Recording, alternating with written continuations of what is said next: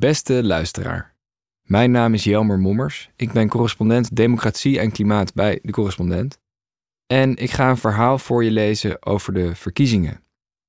Voor de verkiezingen proberen correspondenten relevante vraagstukken voor het voetlicht te brengen en te kijken wat de partijen daarover zeggen. En het vraagstuk wat ik voor het voetlicht wil brengen is rechtvaardigheid in de energietransitie. Want wie geld genoeg heeft voor een warmtepomp, kan uitkijken naar een lage energierekening. Maar lage inkomens profiteren hoogstens van radiatorfolie. Gelukkig zien veel partijen dat het klimaatbeleid eerlijker moet. Hier komt ie. Weet je wat het is met het klimaatbeleid? Veel Nederlanders vinden het niet eerlijk. Ze vinden het niet fair dat de mensen met de hoogste inkomens het meeste profiteren van subsidies op elektrisch rijden, terwijl mensen met lagere inkomens steeds meer geld kwijt zijn aan benzine. Ze vinden het niet eerlijk dat woningeigenaren middels isolatie, warmtepompen en hoog rendementsglas kunnen kiezen voor een energierekening van 0 euro per maand, terwijl huurders met oude ketels, dunne ruitjes en torenhoge stookkosten blijven zitten en geen keuze hebben. Hun raam rendeert niet, het tocht. Veel mensen hebben sowieso al het gevoel dat rijken en hoogopgeleiden worden voorgetrokken, en dat zien ze ook in het klimaatbeleid. Niet eerlijk. Dat is het eerste dat mensen in enquêtes invullen als je ze vraagt waarom ze een bepaalde klimaatmaatregel afkeuren. Het gaat daarbij niet alleen over de verdeling tussen bevolkingsgroepen. Veel Nederlanders hebben ook het gevoel dat de lasten en lusten van klimaatbeleid oneerlijk verdeeld worden tussen bedrijven en burgers. Ze vinden dat bedrijven gepamperd worden en geen verantwoordelijkheid nemen.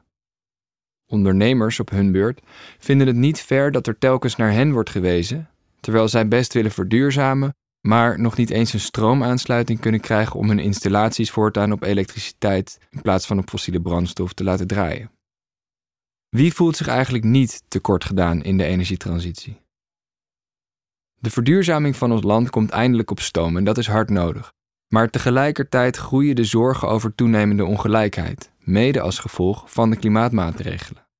Politici zien dat ook. In bijna ieder verkiezingsprogramma staat een passage over eerlijk klimaatbeleid. Voor GroenLinks PvdA zijn bestaanszekerheid, solidariteit en rechtvaardigheid zelfs de centrale waarden in de aanpak van de ecologische crisis. De VVD vindt dat de lage inkomens niet te veel last mogen hebben van klimaatmaatregelen en Nieuw Sociaal Contract, de partij van Pieter Omtzigt, maakt zich zorgen om energiearmoede. Voor de meeste partijen is de vraag dus niet langer of we gaan verduurzamen, maar hoe we dat eerlijk gaan doen. Het gaat ze om klimaatrechtvaardigheid. En hoewel dat begrip vaak verwijst naar een eerlijke verdeling van lasten en lusten tussen arme en rijke landen, is klimaatrechtvaardigheid binnen de landsgrenzen net zo goed van belang. Maar bedoelen de partijen wel hetzelfde als ze zeggen dat ze de energietransitie eerlijker willen? En hoe belangrijk is eerlijk beleid? We hadden toch haast? Maakt het dan uit dat bedrijven vet gesubsidieerd worden om op te schonen? Of dat de lusten en lasten van klimaatbeleid niet helemaal egaal over de bevolking zijn uitgesmeerd? Om met dat laatste te beginnen, nee. Er is op zich niets mis mee als rijke mensen voorop lopen in het aanschaffen van nieuwe technieken zoals warmtepompen of elektrische auto's. Zij betalen daarmee in feite leergeld voor de verdere ontwikkeling van die technologie. Uitgerekend Tesla hanteerde vanaf het begin deze filosofie. Het bedrijf zette een peperdure sportauto in de markt en gebruikte de opbrengsten om meer betaalbare, maar nog steeds dure, modellen te bouwen. Ook Kees Vendrik, voorzitter van het Nationaal Klimaatplatform, schreef dit voorjaar in een brief aan klimaatminister Rob Jetten dat het op zichzelf niet ongebruikelijk is als een relatief bemiddelde groep de start maakt met een transitie die uiteindelijk een veel bredere groep raakt. Het wordt wel een probleem, schreef hij, als klimaatbeleid onbedoeld ongelijkheid binnen de samenleving versterkt. En dat gebeurt nu. Stel bijvoorbeeld dat je je woning wilt verduurzamen. Als huurder kun je dan aankloppen bij een verhuurder, lang wachten, of je kunt via de gemeente financiële steun krijgen om bijvoorbeeld kleine energiebesparende maatregelen te nemen, zoals tochtstrips of radiatorfolie. Dat zijn relatief kleine stappen die geen enorme kostenbesparingen opleveren. Ben je woningeigenaar, dan kun je een veel grotere slag slaan richting 0 op de meter en ook aanspraak maken op flinke subsidies, maar alleen als je voldoende verdient om zelf een flinke voorinvestering te doen en als je de weg naar het subsidieloket weet te vinden. Het zijn rijke en hoogopgeleide mensen die het meeste gebruik maken van dit soort subsidies. Oftewel, de mensen die het toch al goed hebben, profiteren als eerste van structureel lagere kosten door duurzame technieken. Maar voor de mensen die de meeste behoefte hebben aan lagere lasten, blijft de energietransitie buiten bereik. Zij kunnen de nodige investeringen niet opbrengen en raken daardoor verder achterop. Dat is niet alleen een kwestie van pech, maar ook van politieke keuzes. Neem de energiebelasting. Huishoudens met hoge stookkosten betalen relatief veel aan deze belasting op stroom en gas, terwijl huishoudens die verduurzamen minder gaan betalen omdat ze minder gas verbruiken. Het gevolg is dat de groep die nog wel op gas is aangewezen, dat zijn meestal huurders, met hogere lasten achterblijven, meer belasting betalen en daardoor ook achterop raken. Dat concludeert ook de Wetenschappelijke Raad voor het Regeringsbeleid, WRR, in een lijvig rapport over rechtvaardigheid in klimaatbeleid. Zo worden de rijken rijker en de armen armer. Mensen hebben dus niet alleen het gevoel dat het klimaatbeleid oneerlijk is, dat is het ook. En laat dit nou precies zijn wat we niet willen. Dit komt telkens opnieuw naar voren uit enquêtes onder de Nederlandse bevolking. Kwetsbare groepen mogen er niet op achteruit gaan door klimaatmaatregelen, vinden Nederlanders. De kloof tussen arm en rijk mag er niet groter door worden, zeggen Nederlanders. En de grootste vervuilers moeten het meeste betalen. De vervuiler betaalt. Solidariteit is voor inwoners van ons land de bepalende waarde bij de inrichting van klimaatbeleid. En het moet gezegd dat het wel makkelijk is om kritiek te leveren op die overtuiging. Want sinds wanneer is het doel van klimaatbeleid om mensen in oude huurhuizen een beter leven te geven? Het ging bij het klimaatbeleid toch juist om de uitstoot. Dat is wel zo. En Nederlanders vinden de doelmatigheid van klimaatbeleid ook een belangrijke factor in hun beoordeling ervan. Maar omdat de CO2-opgave op zoveel terreinen ingrijpt en zo verregaand is, is het niet te negeren als mensen in tochtige huizen steeds meer gaan betalen door het klimaatbeleid. Het is, met andere woorden, onmogelijk om het alleen maar over broeikasgassen te hebben. Dat het klimaatbeleid nu toch de ongelijkheid vergroot, ondermijnt ook de steun voor verdere ingrepen. Onderzoek laat namelijk zien dat eerlijk klimaatbeleid op meer steun kan rekenen.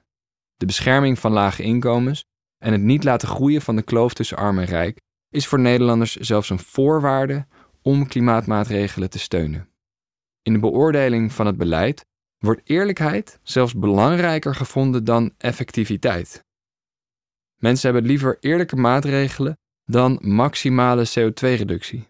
Laat dat heel even tot je doordringen. We gaan kennelijk liever rechtvaardig ten onder dan dat we op oneerlijke manier ons hoofd boven water houden. Politici moeten daar iets mee. En die boodschap is in Den Haag aangekomen. Rechtvaardigheid is nu een integraal onderdeel van het klimaatbeleid, zei minister voor Klimaat en Energie Rob Jette in juni. In een groot klimaatpakket dit voorjaar trok Rutte 4 al extra geld uit voor de verduurzaming van woningen in kwetsbare wijken waar energiearmoede voorkomt. Sinds kort kunnen ook woningeigenaren zonder leenruimte renteloos lenen om hun huis te verduurzamen. En het kabinet kondigde de komst van energiefixers aan, die huis aan huis gaan om tips te geven, juist in kwetsbare wijken. GroenLinks PvdA zeggen zelfs niet meer over klimaatbeleid te willen praten, zonder daarbij de bestaanszekerheid van kwetsbare mensen te betrekken. Op hun voorspraak zullen klimaatuitgaven voortaan getoetst worden op de sociaal-economische gevolgen. Dat is een poging om doorlopend debat af te dwingen over de eerlijke of oneerlijke verdeling van duurzame subsidies. Maar de partijen verschillen sterk van mening over verdere maatregelen om het klimaatbeleid eerlijker te maken. De opvatting van het grootste deel van de Nederlanders dat klimaatbeleid in de eerste plaats solidair moet zijn en op basis van draagkracht, die wordt wel gevolgd in de verkiezingsprogramma's van alle linkse en middenpartijen: GroenLinks, PvdA, D66, Partij voor de Dieren, SP, Volt en ChristenUnie. Zij hanteren allemaal het principe van de sterkste schouders dragen de zwaarste lasten en ze stellen ook maatregelen voor om lage inkomens mee te krijgen in de energietransitie. De centrumrechtse en rechtse partijen, VVD, Nieuw Sociaal Contract, BBB en CDA, hebben minder concrete maatregelen in hun programma staan om minima, lage inkomens en huurders te beschermen en te bedienen. Ze hebben ook minder haast met het afschaffen van fossiele subsidies of strenge nieuwe regulering gericht op het bedrijfsleven. En ze handelen daarmee minder volgens het populaire principe de vervuiler betaalt. Het is uiteindelijk aan een nieuw kabinet om het gevoel van onrechtvaardigheid in het klimaatbeleid weg te nemen. Hoe? Door een eerlijkere lastenverdeling na te streven tussen inwoners onderling en tussen hen en bedrijven.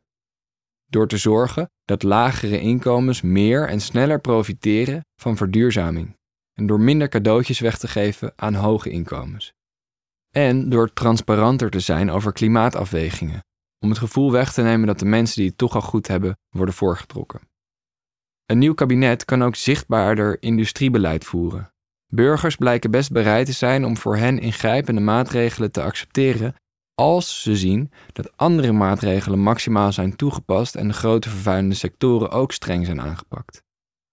Dat dit nu al steeds meer gebeurt, bijvoorbeeld door de oplopende CO2-prijs in het Europese emissiehandelssysteem, dat heeft niet iedereen even scherp op het netvlies. En wat evenmin tot de publieke opinie is doorgedrongen, is het feit dat elektrische auto's uit het hoogste segment niet meer in aanmerking komen voor aanschafsubsidies. Het nieuwe kabinet kan mensen ook beter betrekken bij de besluitvorming over het klimaat. Want er is nog een vorm van rechtvaardigheid en die gaat over de manier waarop we tot gezamenlijke besluiten komen. Mensen zien beleid eerder als eerlijk als ze weten dat het besluitvormingsproces eerlijk en zorgvuldig is verlopen. Maar op dit moment denkt maar 1 op de 5 Nederlanders dat de politiek rekening houdt met de mening van mensen zoals ik.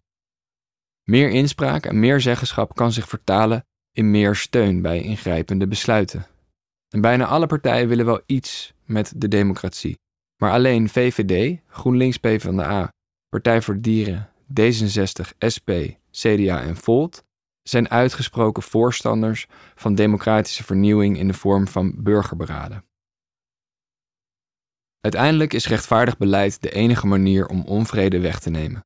En dat is een cruciale taak voor een nieuw kabinet, want er is een groeiende onvrede over het klimaatbeleid en die zit vooral bij de mensen die het minste de noodzaak van vergroening zien en ook die het minste profiteren van de huidige maatregelen. Een nieuwe coalitie die hen bij de energietransitie betrekt, heeft goud in handen. De correspondent bestaat tien jaar. Al tien jaar maken wij journalistiek voorbij de waan van de dag. Journalistiek die niet polariseert, maar perspectief biedt. Die geen ophef najaagt, maar oplossingen zoekt. Wist je dat de correspondent 100% door leden wordt gefinancierd? Dat betekent dat we ons werk alleen kunnen doen als luisteraars zoals jij ons steunen. Word vandaag nog lid. En draag bij aan diepgavende, advertentievrije en onafhankelijke journalistiek. Ga naar decorrespondent.nl en word lid.